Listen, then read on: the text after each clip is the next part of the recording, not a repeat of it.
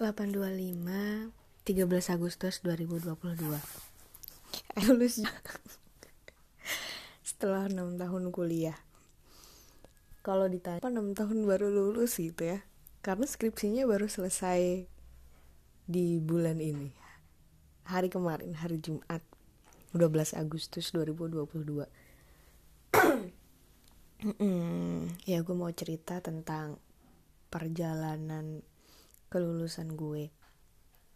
Kalau dipikir-pikir sebenarnya nggak um, ada kendala sih, kayak um, dosennya yang susah dihubungin, gitu-gitu, uh, terus uh, yang ditelitinya sulit untuk dipahamin bla bla bla sebenarnya nggak terlalu ada gitu ya. Meskipun hambatannya hmm, hambatannya ada tapi yang nggak banget banget gitu.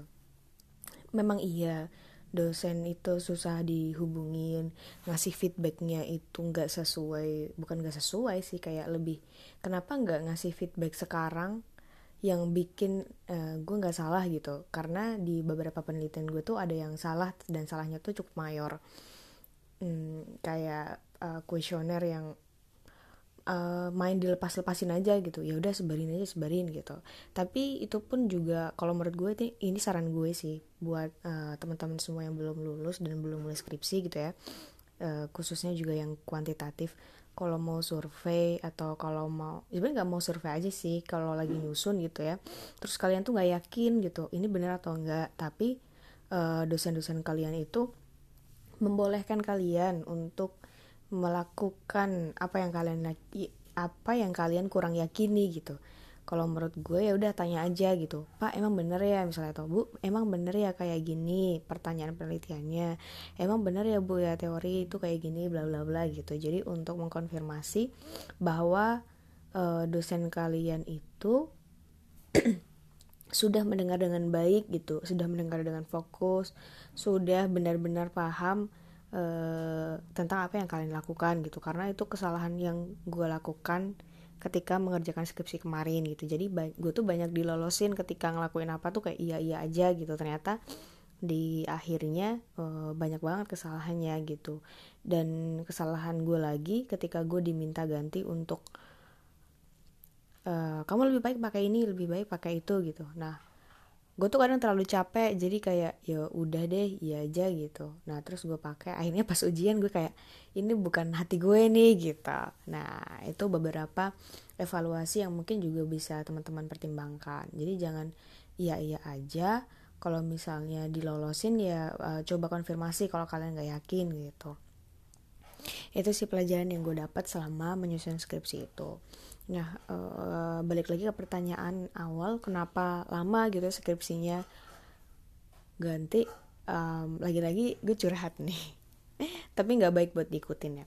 Sebenarnya draft yang gue ujikan kemarin itu adalah draft satu setengah tahun yang lalu atau mungkin bahkan dua tahun yang lalu.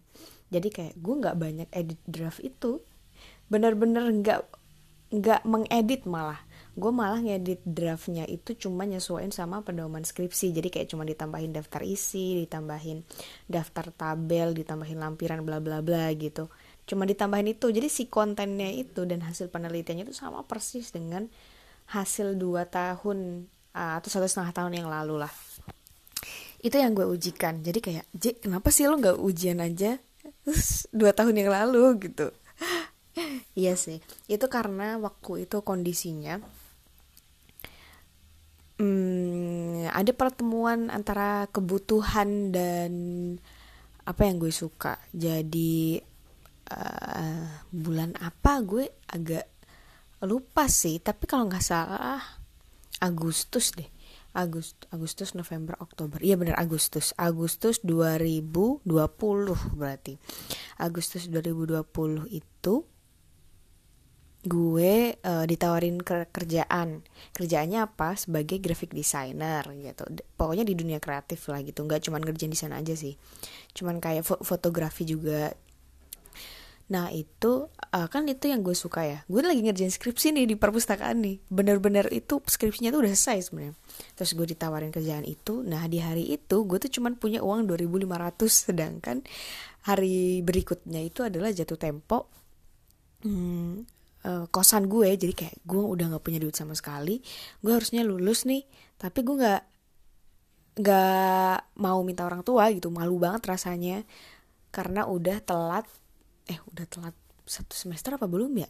Gue agak lupa sih intinya posisi itu gue udah malu banget untuk minta duit orang tua karena teman-teman gue udah lulus uh, tapi gue belum lulus gitu di ujung tanduk semester Nah akhirnya gue terima kerjaan itu dengan asumsi bahwa gue bisa mengerjakan skripsi itu sambil kerja. Ternyata tidak bisa karena kerjaannya overload dan jarak antara kosan gue di Jatinangor sedangkan kerjaan gue di Bandung itu kayak cukup makan banyak uang juga. Itu gue kayaknya sempat minta duit sama kakak gue. Istilahnya ngutang lah kayak minta duit kalau gue udah gajian. Tapi gue dengan alasan kayak gue udah kerja sekarang kalau pas pas gue udah gajian ntar gue ganti gitu.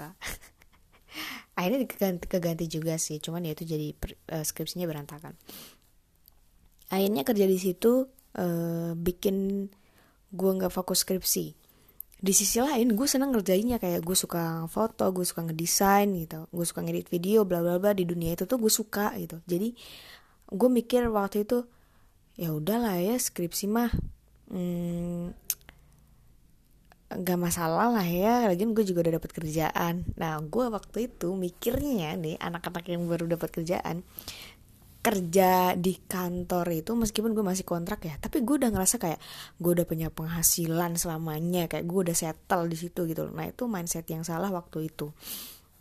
Ya akhirnya uh, di situlah telat gitu. Tapi di situ juga gue belajar bahwa dunia kerja itu tuh ternyata tidak semudah itu. Ternyata Aw, uh, kalau baru pertama kali kerja uh, di sebuah kantor gitu sama orang itu luar biasa sih rasanya. Kayak nggak expect bakal kayak gitu. Oh ternyata ya dunia kerja tuh kayak gitu. Akhirnya gue keluar. Tapi karena gue udah ngerti duit nih gue merasa butuh uang lagi gitu. Gue nggak bisa kalau nggak punya pendapatan. Akhirnya gue pindah ke uh, tempat lain tempat lain itu adalah tempat yang waktu itu nge-PHK gue kalau misalnya teman-teman dengerin podcast yang sebelumnya uh, yang uh, gue di PHK nah itu tempat kerjaan atau tempat kantor kedua gue nah di situ Nah, alhamdulillahnya orang itu kan punya uh, punya masalah itu beda-beda ya. Di ujinya itu beda-beda gitu. Kalau gue belum lulus, tapi gue dapet kerjaan tuh gampang banget kayak ditawarin terus malahan uh, kayak waktu di kantor pertama itu juga ditawarin. Yang kedua ini kayak gue tuh masuknya tuh gampang banget. Bahkan gue tuh udah punya pikiran gitu ya lah ini mah gak bakal nolak gue gitu. Gue tahu banget eh, perusahaan yang bakal nerima dan perusahaan yang bakal nolak gue. Nah di situlah uh, gue sama-sama jadi desainer juga. Ngerjain hal-hal yang yang gue suka lah itu nah di situ ternyata sama aja. Gue kira juga bakal bisa ngerjain skripsi. Ternyata enggak sama aja. Jadi kayak gue tuh udah nggak nyentuh skripsi tuh lama banget. Mungkin kayak disentuh tuh enam bulan sekali atau tiga bulan sekali. Berharapnya bisa lulus ternyata nggak bisa. Dan uh, udah dapat cerita kan gue gue di PHK nah akhirnya gue pindah nih ke kantor yang sekarang yang deket kampus gitu. Jadi kayak uh, skenario yang gue dapat itu indah banget. Kantor ketiga gue ini uh, posisi gue kan sama juga sebagai konten kreator ini bos gue baik banget ngebolehin gue buat uh, ngerjain skripsi. Jadi di awal itu uh, sama HR kan ditanyakan kamu udah lulus apa belum? Belum gitu. Rencana lulusnya kapan? Bulan ini. Oh gitu oke okay, gitu. Di sini boleh kok kalau misalnya mau izin skripsi gitu kayak. Kalau skripsi ya udah skripsi aja dulu. Kalau mau kerja kerja aja dulu gitu kayak. Ya Allah mau lulus aja tuh diketemuin sama bos yang baik dulu gitu. Bukan berarti bos gue sebelumnya nggak baik ya cuman kayak ini tuh ngedukung skripsi gitu. Kayak pendidikan didukung banget di kantor gue yang sekarang. Makanya uh, gue ngerasa kayak ya Allah mau lulus aja jalannya harus ketemu orang-orang baik dulu kayak gini. Kayak ya Allah JJ harus dikenalin sama orang baik kayak gini. Mana uh, bos gue kan pasangan suami istri ya. Kayak mereka tuh aduh susah banget ngejelasin ngejelasin seberapa baik bos gue. Ya allah gue sampai yang kayak ya allah ini mah orang tua gue bukan bos gue gitu. Bener-bener udah kayak orang tua. Ngedukung banget apa yang gue lakuin gitu. Dan gue happy banget kerja di tempat ini. Uh, sebenarnya bayang-bayang tentang PHK yang di sebelumnya itu masih ada ya kayak trauma PHK tuh ada dan gue juga mengerti bahwa uh, kalau kita kerja di swasta kerja apalagi kerja di uh, bis sama bisnis orang gitu ya itu um, gak selamanya mulus gitu. Bisa jadi suatu hari bisa rugi dan kita semua karyawan di PHK itu bisa jadi banget. Tapi itu jadi pelajaran buat gue bahwa uh, apa pun uh, kerjaannya di kantor itu gue harus melakukan yang terbaik gitu supaya um, kantor itu juga ikut terbangun karena gue. Karena setiap posisi itu kan berpengaruh ya. Ini yang dikasih tahu juga uh, sama bos gue bahwa setiap peran yang ada uh, dari orang-orang yang kerja di kantor itu itu tuh berpengaruh buat semuanya. Jadi misalnya gue ngedesain gitu ya gue bikin foto. Foto itu juga buat mengaruh banget buat konten iklan. Kalau misalnya gue nggak niat uh, gue nggak ngeliat target fotonya buat siapa gitu gue asal-asalan foto aja sesuai idealis gue sesuai mood gue ya fotonya nggak bakal bagus buat iklan iklannya boncos uh, iklan, kalau ke iklannya boncos kan ngaruhnya ke semuanya ya ke keuangan terus iklannya nggak winning winning gitu ya profitnya nggak ada mau bayar gaji pakai apa bla bla bla. Itu kayak itu banyak ngenyadarin gue sih. Uh, ya intinya gue, ya nggak yakin ya, ya pasti enggak sih bos gue bakal dengerin ini cuman hmm, gue mau minta tolong buat teman-teman yang dengerin ini mau tolong dong doain bos gue. Semoga mereka sehat-sehat aja eh, semoga bisnisnya makin makin besar makin banyak nolong orang uh, makin banyak bermanfaat buat orang pokoknya. Dan gue juga doain buat teman-teman semua yang lagi dalam masalah semoga Allah mudahkan Allah lancarkan. Uh, semoga Allah kasih banyak keberkahan untuk kalian semua tapi jangan lupa kita juga harus ngasih sesuatu ke Allah mari uh, benerin salatnya banyak baca Quran dan banyak bebenah diri. Semangat buat kita semuanya, sehat-sehat selalu. Assalamualaikum warahmatullahi wabarakatuh.